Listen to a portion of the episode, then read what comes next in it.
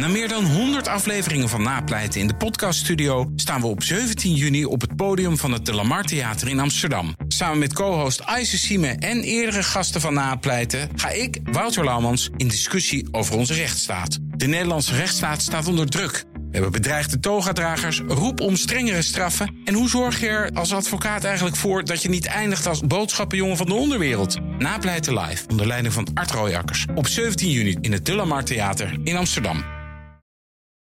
BNR Nieuwsradio. Werkverkenners. Rens de Jong. De tekst hier voor mijn neus, die staat in de cloud. En als ik mijn collega Frank iets wil vragen over ons programma... dan stuur ik hem natuurlijk even een berichtje via Slack. En hier in de studio, linksboven in de hoek om precies te zijn... is er een webcam op mij gericht. Het zijn allemaal tools om het product beter te maken... om mijn productiviteit te verhogen... en, zoals dat zo mooi heet, om voor meer veiligheid te zorgen. Maar ze hebben nog één ding gemeen. Het zijn middelen waarmee de baas, als hij of zij het wil, zijn werknemers stiekem in de gaten kan houden. Mijn naam is Rens de Jong en dit is BNR Werkverkenners. Met in deze aflevering kan je baas ook een spion worden.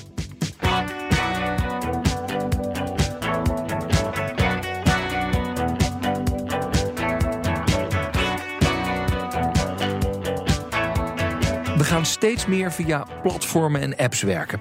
En dat levert heel veel data op. Een uitgelezen kans voor de baas om eens te kijken of ik of jij ons werk wel goed doen. Maar eerst even de cijfers. Want gebeurt het vaak dat de baas zijn personeel in de gaten wil houden? Ik vraag het aan ICT-jurist Arnoud Engelfried. Uh, er is nog nooit bij mij weten onderzoek naar gedaan hoe vaak dat nou daadwerkelijk voorkomt. Dus harde getallen zijn niet te geven. Maar ik weet wel dat menig werkgever uh, uh, op enige wijze wel eens monitort voor dingen gaan. Wij krijgen ook regelmatig vragen, onder meer van werkgevers die zeggen: wat mag ik nou eigenlijk doen? En ook wel ondernemingsraden die zeggen: de directie is dit en dit van plan. Hoe kunnen wij daarop adviseren of overtreed ik niet de wet? Ja, maar de echte de spionnen die hun personeel echt willen begluren die, uh, die krijg je natuurlijk niet. Ja, hoe vaak het gebeurt weten we dus niet. Maar dat het gebeurt is evident. Grote vraag is dan: wanneer mag een baas eigenlijk meekijken? Dat is met name ook afhankelijk van het doel waarvoor de werkgever graag wil meekijken. Er zijn natuurlijk allerlei gerechtvaardigde belangen die je kan hebben bij het meekijken met, eh, met je werknemers. Bijvoorbeeld uh, voor security of bijvoorbeeld om de productiviteit te verhogen. Mijn naam is uh, Lineke Viergever. Ik ben partner bij Project More Advocaten. En dat is een advocatenkantoor gespecialiseerd in IT-recht en privacy. Maar het moet wel altijd in verhouding staan tot de impact die het heeft op de privacy van de werknemer. Maar hoe zwaar is dat gerechtvaardigd belang dus? Want dat, gaat het uiteindelijk om. Ik wil kijken of mensen uh, productief zijn, of ze harder kunnen werken, of ik het beter voor elkaar kan krijgen, of ze doen wat ik zeg. Ja, dat op zich is dat. Eh, er is niet een heel uh, moreel oordeel over of iets gerechtvaardigd is of niet. Zo'n uh, belang dat je werknemers productiever wil laten zijn, is op zich een belang wat gerechtvaardigd kan zijn. Maar ik denk dat het wel uiteindelijk in de afweging tegen de privacy van de betrokkenen zal zo'n belang ja, minder snel opwegen dan mhm. wanneer je het bijvoorbeeld hebt over beveiliging. Want uiteindelijk moet je ook bij dat doel altijd kijken: wat ik nu ga doen, is dat echt noodzakelijk voor het doel wat ik wil nastreven? Of zijn er ook andere middelen? En kan ik met die andere middelen misschien hetzelfde doel bereiken? Moet je het melden aan het personeel? Van ik ga vanaf maandag uh, kijken naar jullie toetsaanslagen. Of uh, ik kijk op de webcam mee of u niet te veel naar het toilet gaat? nou, die, die laatste, denk ik, uh, vraag ik me af of je dat überhaupt mag. Dat denk ik dat dat een heel uitzonderlijke gevallen misschien mag. Maar verder zou je altijd inderdaad je werknemers moeten informeren. Dat hoeft niet altijd per tool te gebeuren. Je kan het ook bijvoorbeeld in een algemene policy doen. Hm. En uh, dat je iets breder informeert. Want anders zou je eigenlijk voor elke introductie van elke nieuwe tool weer opnieuw een berichtje moeten uitsturen. Maar je zou het ook iets algemener kunnen vervatten in bijvoorbeeld een uh, gedragsregel of een code die je schrijft. En uh, die beschikbaar maakt voor werknemers. Ja. Die ze af en toe kunnen checken. Waar zit het grijze gebied? het grijze gebied zit wat mij betreft eigenlijk in het toepassen van eh, eh, middelen om mensen te volgen. Uh, waar ze dus eigenlijk niet helemaal goed meer begrijpen wat er gebeurt. Dus je kan ze er eigenlijk ook niet zo goed meer over informeren. Of als je het dus gebruikt voor doeleinden die ja, op andere manieren ook goed gebruikt zouden kunnen worden. Dus om maar een voorbeeld te noemen. Stel je hebt een Fitbit en die geef je aan je werknemers. En je zegt, ik ga vanaf nu af aan ga ik bijhouden hoeveel je beweegt. En dan gaan we een personal coach erop zetten. En dan gaan we jou proberen om je fitter te maken. Dat nou, klinkt op zich als een mooi doel mhm. en je helpt je werknemers. Uh, maar tegelijkertijd ga je dus ook heel veel vastleggen. En op het moment dat je al die gegevens vastlegt, zou je er ook iets anders mee kunnen doen. Je zou bijvoorbeeld ook aan het eind van het jaar kunnen zeggen: ja, je hebt niet goed genoeg bewogen. Je bent geen fitte werknemer, dus je, doet, je voldoet niet aan de criteria. Dus je zou het ook tegen iemand kunnen gaan gebruiken. Stel, ik heb een camera hangen op het werk tegen diefstal. Eh, want er wordt gejat uit mijn magazijn of ik moet het voor zijn. En ik zie op die camera dat iemand aan het lanterfanten is. Mag ik daar dan iets mee? Um, op het moment dat je zo'n camera ophangt, dan moet je er al van tevoren een uh, gerechtvaardigd doel bij hebben gehad. Nou, dat is dus tegen diefstal. Daar informeer je mensen ook over. En op het moment dat je dus op die beelden iets ziet, wat ook ergens anders handig voor zou kunnen zijn, dan uh, ga je dus eigenlijk die gegevens gebruiken voor een ander doel. Nou, dat mag niet zomaar. Uh, er is ook een regel voor. Je moet het uh, gebruiken wat je wil maken. Dus dat land ervan, je wil bijvoorbeeld iemand ontslaan of iemand erop aanspreken. Dat moet verenigbaar zijn met het gebruik waarvoor je het oorspronkelijk uh, die camerabeelden hebt mhm. gemaakt. Nou, dat lijkt me niet heel snel het geval. Nee, maar goed, uiteindelijk kun je dan ook gewoon neerzetten. Joh, we hangen deze camera op om sowieso te kijken. Um, en dan ga ik het een beetje vaag omschrijven. Om te kijken of er diefstal is en hoe we de logistiek kunnen optimaliseren. Nou, als ik dat een beetje zo neerzet dan uh, kan ik daarna zeggen: Nou, logistiek kunnen we optimaliseren door jou niet zo te laten landen van. Dan heb ik het toch juridisch dicht geregeld, of niet? Ik denk dat je dan uiteindelijk niet uitkomt met de privacy impact. Want ik denk dat je op zich. Maar wie bepaalt dat dan uiteindelijk? Wie bepaalt dat? Dat is uiteindelijk de werkgever zelf, want die is de verantwoordelijke. Ja. Maar uiteindelijk kan ook een uh, werknemer kan, uh, de werkgever daarop aanspreken. En als dat dus te ver gaat wat de werknemer betreft, dan kan hij een klacht indienen bij de autoriteit persoonsgegevens. Hij kan naar de OR als die er is. En hij kan ook zelf bijvoorbeeld een rechtszaak starten. Ja. Maar wat vaker natuurlijk voorkomt, is dat op het moment dat er een ontslagzaak is en dit wordt opgevoerd, dat er dan uh, wordt aangegeven dat dit niet mee mag wegen bij de beslissing, omdat het niet op deze manier de bewijs verzameld had mogen worden. Is Amerika anders dan Europa? Ik denk uiteindelijk wel. Uh, je hebt in Amerika uh, ook regels hiervoor. Alleen die zijn per staat bepaald. Dus dat maakt het al veel complexer. En ik denk ook dat in Amerika sowieso het besef van privacy lager is uh, dan hier. Dus voor de werknemer zelf accepteert veel meer. Dus het, zeker op de werkplek zie je vaak dat ze in contracten al moeten aangeven van ehm, binnen de werkplek heb ik geen privacy. En in die zin rekenen ze dus op minder. En je ziet ook dat de voorbeelden daar wel verder gaan. Dus er zit wel een grens aan. Het is niet mhm. dat alles, uh, dat alles zomaar mag, maar je ziet wel dat er, uh, dat er, dat er lat lager ligt. Wat voor voorbeelden zijn het dan in Amerika? Nou, eh, wat je ziet vaak, de rechtszaken waar ik van weet, is bijvoorbeeld dat er gebruik wordt gemaakt van tracking het volgen van mensen via hun auto, een bedrijfsauto, of via hun smartphone. Dus ze mhm. hebben een smartphone van uh, bedrijf gekregen. En dat een werknemer of werkgever bijvoorbeeld gaat controleren wat, uh, waar is iemand op een bepaald moment. Nou, dus bijvoorbeeld een rechtszaak van iemand die ging in zijn pauze naar een stripclub. En die werkgever was daar niet blij mee. Goh, ja. en die heeft zelf besloten op dat moment niet alleen om de man te ontslaan, maar ook om zijn vrouw te bellen en aan te geven dat die man daar was. Ja, daarvan is gezegd van die man was tijdens zijn lunchpauze afwezig. Zover mag je dus niet gaan om iemand uh, buiten werktijd te volgen. Dus dat is waar nog wel een grens zit. Ja. Maar uh, er zijn ook voorbeelden waarin bijvoorbeeld iemand uh, zich afmeldde voor een belangrijke bespreking, omdat diegene ziek was en de werkgever vervolgens tijdens werktijd keek waar is die telefoon van deze persoon.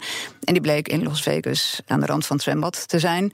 En daarvan heeft de rechter toen wel gezegd: ja, het is tijdens werktijd is dit gecontroleerd. Dus de werkgever had het recht. Zou dat in Europa mogen? Kijken als ik een company phone heb en dat mijn baas dan elke keer kijkt, waar is hij eigenlijk? Nou, dan denk ik dat dat echt alleen in heel uitzonderlijke gevallen zou kunnen. Je zou je bijvoorbeeld iets kunnen voorstellen dat er een, uh, een kerncentrale of dat er bepaalde plekken zijn die een hoog beveiligingsniveau hebben. En waar je wil zien waar mensen zich bewegen, omdat dat vanuit veiligheidsperspectief noodzakelijk is. Dat zijn denk ik voorbeelden. Maar verder ja, kan ik me niet zo goed voorstellen waarom je dat zou moeten weten als werkgever. Waarom je zo goed op de hoogte zou moeten zijn van waar iemand zich bevindt.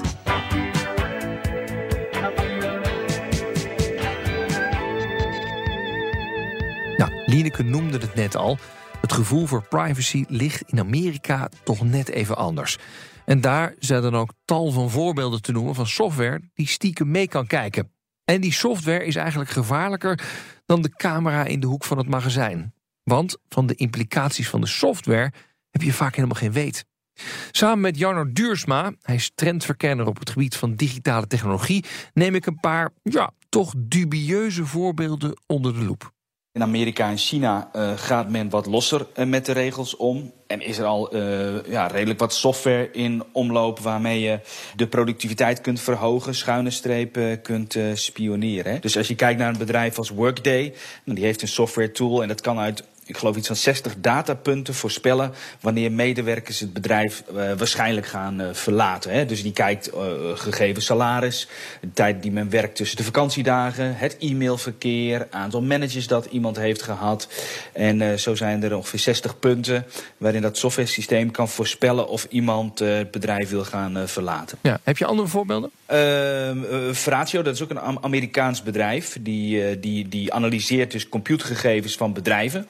En die wil kijken naar hoe is de productiviteit. Hè? Dus uh, aanslagen op het op keyboard. Uh, sentimentanalyse van, uh, van, van, van onderlinge correspondentie. Hè? Dus kijken, bevalt de medewerker het nog wel? Kijk, ze zeggen natuurlijk, dit willen wij doen om diefstal van, van gegevens te voorkomen. Hè? Maar het wordt ook uh, ingezet als, als productiviteitswinst. Hè? En, en niet alleen op je software. Amazon die heeft ook een, een polsband die locatie en handbeweging van, de, van die magazijnmedewerkers registreert. Hè? Mm. Dus, dus op het moment dat ze, dat ze aan het werk zijn, dan, dan komt er een vibratie in de, in de, in de, in de polsband. En dan krijgen ze suggesties uh, hoe ze hun productiviteit kunnen verhogen. Nou, ja. dat zijn. Uh, het is allebei. Hè? Dus het is goed dat mensen soms suggestie krijgen hoe het sneller of beter kan. Alleen ja, het schurkt soms wel heel dicht uh, tegen spionage natuurlijk aan. Ja. Hè? En dat zie je ook met Uber. Hè? Je, sorry, je ziet met Uber de, de, de taxis. Hè? Dat, dat Uber gewoon in staat is om te kijken waar, waar scholen ze samen. Onze chauffeurs. Hè? Komen ze bij elkaar in de buurt en wat bespreken ze Nou ja, dat, uh, dat zijn allemaal mogelijkheden die ook de digitalisering met zich meebrengt. Digitalisering zorgt er dus voor dat we veel kunnen. En op werkgebied levert dat dus ook productiviteit, efficiëntie op. Eén probleempje, hoe meer je in de cloud gaat, hoe meer de werknemer een spoor van data achterlaat. Je kunt alles tracken, e-mail, telefoon, uh, beeldscherm. Je kunt meekijken of een screenshot iedere 10 minuten uh, maken. Internetgedrag, uh, locatie van je smartphone. Webcam, weet je. Dus er zijn ook software tools die bieden aan om niet alleen een screenshot van je beeldscherm iedere 10 minuten te maken, maar ook een, dat je webcam een foto maakt om te kijken of je er nog achter zit. Hoe vaak gebruik je de printer? Kijk, als, als onze hele wereld digitaliseert, laten we overal een spoor achter. En als je die dingen natuurlijk samenvoegt, ja, dan krijg je daar een profiel van. En, en heel veel van die software tools die zeggen overigens, nee, dit is alleen op teamniveau. Maar dat is natuurlijk, daar zit een addertje in. Hè? Want, want het teamniveau, stel nou bijvoorbeeld dat jij altijd degene bent die bij BNR uh, uh, op dinsdag uh, tot half acht werkt. En dan kun je gewoon trekken van, oké, dan zoeken we even dat profiel van diegene die altijd op dinsdag tot half acht aan het werk is. Dus die privacy onder de laag van teamcapaciteit, ja, dat is natuurlijk wel een, een, een, een moeilijk gebied. BNR Nieuwsradio. BNR Werkverkenners. Veel bedrijven in Nederland werken met cloud-oplossingen. Collega's communiceren via Slack, worden ingewerkt via een speciale app. Al die dingen leveren data op, waarmee de baas zijn mensen in de gaten zou kunnen houden. Maar in Amerika zijn er bedrijven die een stapje verder gaan om hun medewerkers te monitoren. Heel veel verder. Science fiction-achtig verder. Er is bijvoorbeeld een, een, een bedrijf in Amerika dat heet Humanize. En Humanize die detecteert uh, hoe mensen in, in het bedrijf met elkaar omgaan. Dus heel concreet krijg je bij Humanize krijg je een kastje uh, uh, om je nek. Hm? En dat kastje meet zeg maar, waar je in het pand je bevindt, met wie je spreekt. het koppelt dat vervolgens aan je e-mail en je agenda. En zogenaamd om, om, om ja, samenwerkingsverbanden te verbeteren. Um, wat daar natuurlijk een kwalijke zaak van is, dat er wel heel veel data gegenereerd wordt door zo'n kastje uh, om je nek. Ga je zitten, ga je staan, ben je dominant in een gesprek of kan je veel luisteren? Kan die dat meten? Uh, dat, dat kastje dat meet dat allemaal, zeg maar. Hè.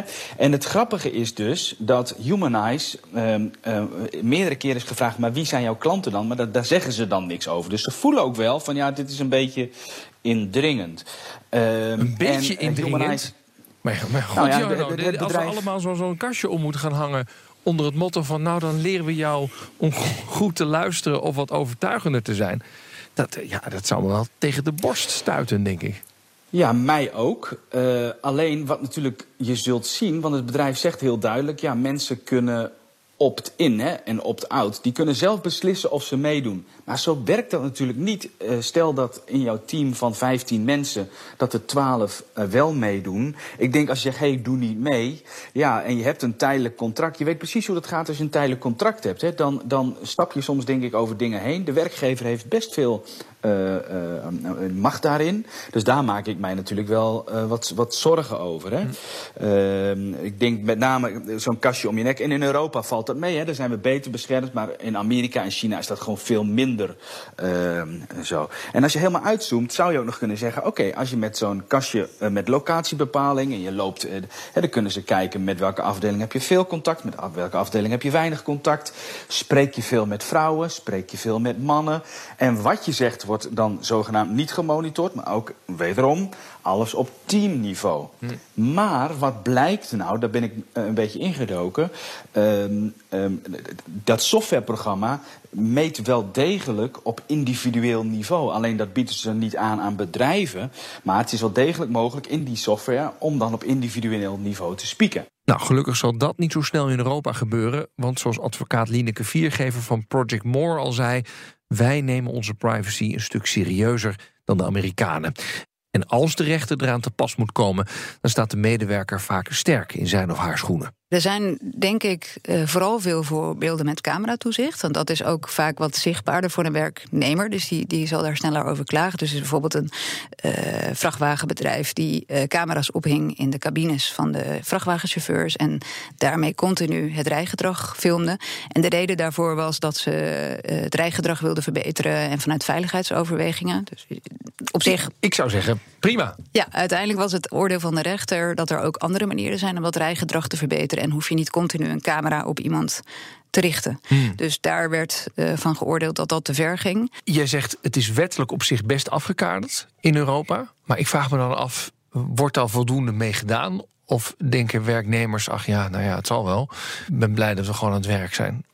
Ja, ik vraag me zelfs af of het wettelijk genoeg is afgekaderd. Want uh, ik denk uiteindelijk.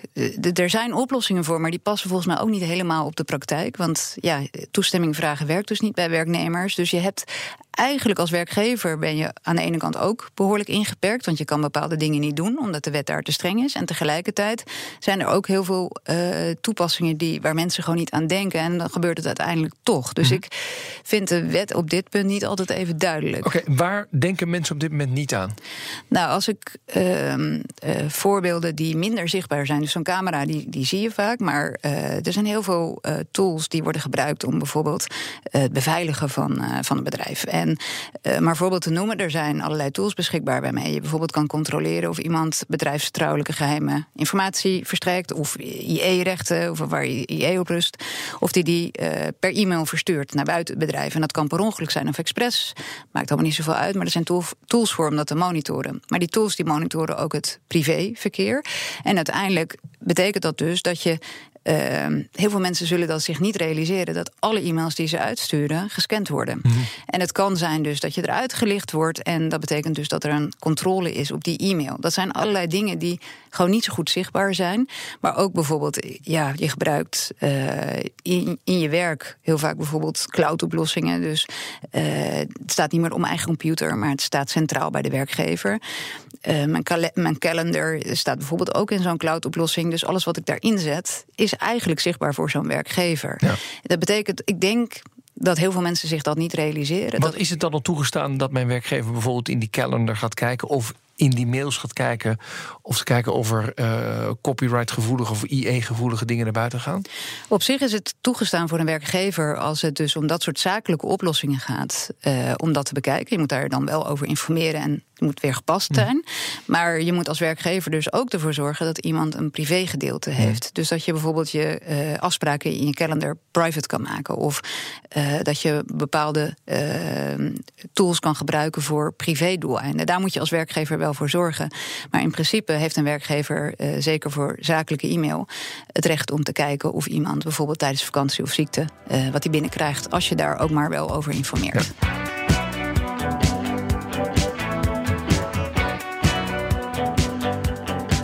Waar moeten werkgevers zich rekenschap van geven en werknemers zich rekenschap van geven? Ik denk dat werkgevers er goed over na moeten denken van als ik een tool uh, aanschaf, waarvoor wil ik het gebruiken? En wat kan er eigenlijk nog meer met die tool gedaan worden? Wat een risico zou kunnen zijn voor mijn werknemers. En uh, dat betekent dus, dat het voorbeeld dat ik net gaf van die, van die security oplossingen, wat leg ik er eigenlijk allemaal mee vast? En zou het ook kunnen betekenen dat er heel veel gegevens worden meegenomen daarin, die ik eigenlijk helemaal niet nodig heb? Mm -hmm. En uh, wat de werkgever bijvoorbeeld zou kunnen doen, is zijn werknemers erbij betrekken op het moment dat hij iets wil aanschaffen en horen wat zij ervan vinden. Ja. En werknemers zullen zich er, denk ik, uh, ja, moeten ook moeten kijken van wat voor tools gebruik ik eigenlijk en uh, wat gebeurt er eigenlijk met al die gegevens. Dus die kunnen zelf natuurlijk ook daar vragen over stellen. En daarnaast is er nog een belangrijk punt waar rekening mee gehouden moet worden als er bepaalde tools worden gebruikt die ook kunnen meekijken. Zo onderstreept ICT-jurist Arnold Engelfried. Wanneer mensen weten dat ze in de gaten worden gehouden, dat daar bang voor zijn, dan keldert hun productiviteit en dan keldert hun levensgeluk en hun gevoel van uh, zichzelf kunnen zijn. Dat is in heel veel onderzoek dat aangetoond. Als je iemand continu in de gaten houdt, verhoogt dat hun stress, onzekerheid en uh, schaadt dat hun, hun, productiviteit. Dus daarom heeft de wet gezegd dat moeten we eigenlijk niet hebben, tenzij jij een goede reden hebt om te zeggen we gaan het hier toegedoen. En die goede reden moet meer zijn dan alleen maar ik betaal je om te werken of kantoor is mijn eigendom. Ja, wat mag en wat niet mag in Nederland, nou dat is wel duidelijk. Maar hoe ziet de toekomst er dan uit? Hoe werken we bijvoorbeeld over 20 jaar? Nou, als we onze ogen dichtknijpen, wat voor een werkplek in de toekomst doemt dan op? Ik denk dat het kantoor van de toekomst uh, dat zaken nog veel meer gedigitaliseerd worden. En dat zaken die we nu bijvoorbeeld met een toetsenbord en een muis doen, dat die veel meer, dat, dat die technologie steeds dichterbij komt. Dus gezichtsherkenningstechnologie zal beter geïntegreerd worden om, om, om bijvoorbeeld in te kunnen loggen, uh, uh, vingerafdruk, biometrisch, uh, dus veel meer. Dus dat komt steeds dichterbij. Er zijn ook al softwarepakketten waarmee je alleen met je stem kunt inloggen, bijvoorbeeld. Ehm, contacten met klanten, hè, die gesprekken, die zullen wat vaker gemonitord worden. Uh, software zorgt ervoor dat vergaderingen uh, uitgeschreven, maar ook samengevat uh, worden. Dus je zult zien dat slimme software steeds meer in, in, in, onze, in ons kantoor van de toekomst terechtkomt. Mm -hmm. En dat zal door de kwalitatieve opkomst van, van kunstmatige intelligentie heel veel voordelen met zich meebrengen. we kunnen steeds meer mensenwerk doen en laten het computerwerk aan computers over. Alleen moet je heel goed in de gaten houden wat je met die technologie, welke eventuele nadelen of risico's uh, daaraan kleven. Maar dat er veel meer data vergaard kan worden door de werkgever, ja, dat is zo klaar als een klok.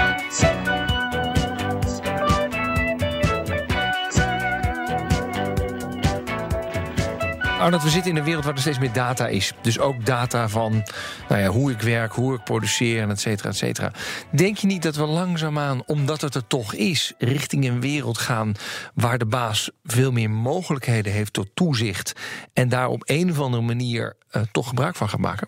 Ik denk dat mensen inderdaad eh, door, door technische mogelijkheden en vaak hè, doordat dingen gewoon ingebouwd worden onder het motto: het kan technisch en u moet maar zien wat u ermee doet, dat mensen daardoor vaak dingen gaan proberen. Ik denk wel dat de aanname van de AVG uh, met name in mij een duidelijk signaal is vanuit de wetgever, vanuit de maatschappij. Dit accepteren wij niet zomaar, want dit leidt tot allerlei excessen en gewoon ongewenste zaken. Mensen die worden geweigerd voor hypotheken. Mensen die niet voor een baan worden uitgenodigd. Omdat een algoritme zegt, ja, u lijkt te veel op een fraudeur. Of, of de computer zegt dat u onbetrouwbaar bent. Maar vanwege bedrijfsgeheimen mogen wij niet uitleggen waarom. Dat is een, een, een zodanig ongewenste situatie dat daar een, een juridisch uh, tegenwerpsel tegen opgetrokken is. Hm. Daar gaan we dus kijken hoe, hoe, ja, hoe dit, zich dat gaat ontwikkelen. Een aantal algoritmes wordt al op aangepast. In de wetenschap wordt er veel onderzoek gedaan naar uh, uitlegbare algoritmes en motivaties. En ik denk ook dat het belangrijk is dat je in de praktijk, als je als werkgever afvraagt, is het nou eigenlijk nuttig dat ik al die dingen weet? Want een, een gigantische hoeveelheid data hebben over je personeel, dat zijn wel weer dingen waar je dan ook wat mee moet.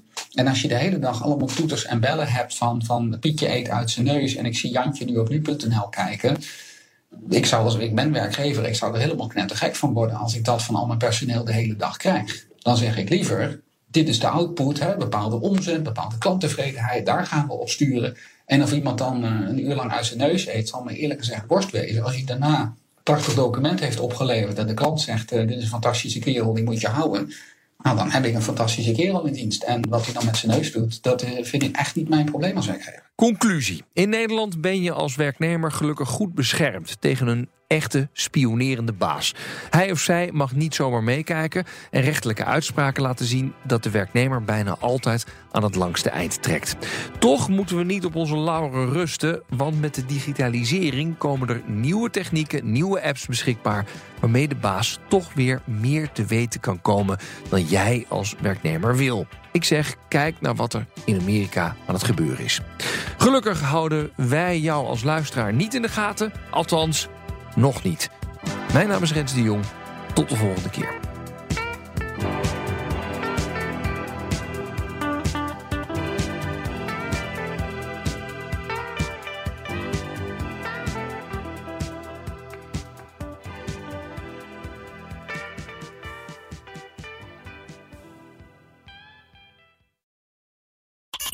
Bas van Werven vind je in de BNR-app. Ja, je kunt live naar mij en Iwan luisteren tijdens de ochtendspits. Je krijgt een melding van Breaking News. En niet alleen onze podcast Ochtendnieuws, maar alle BNR-podcasts vind je in de app. Download nu de gratis BNR-app en blijf scherp.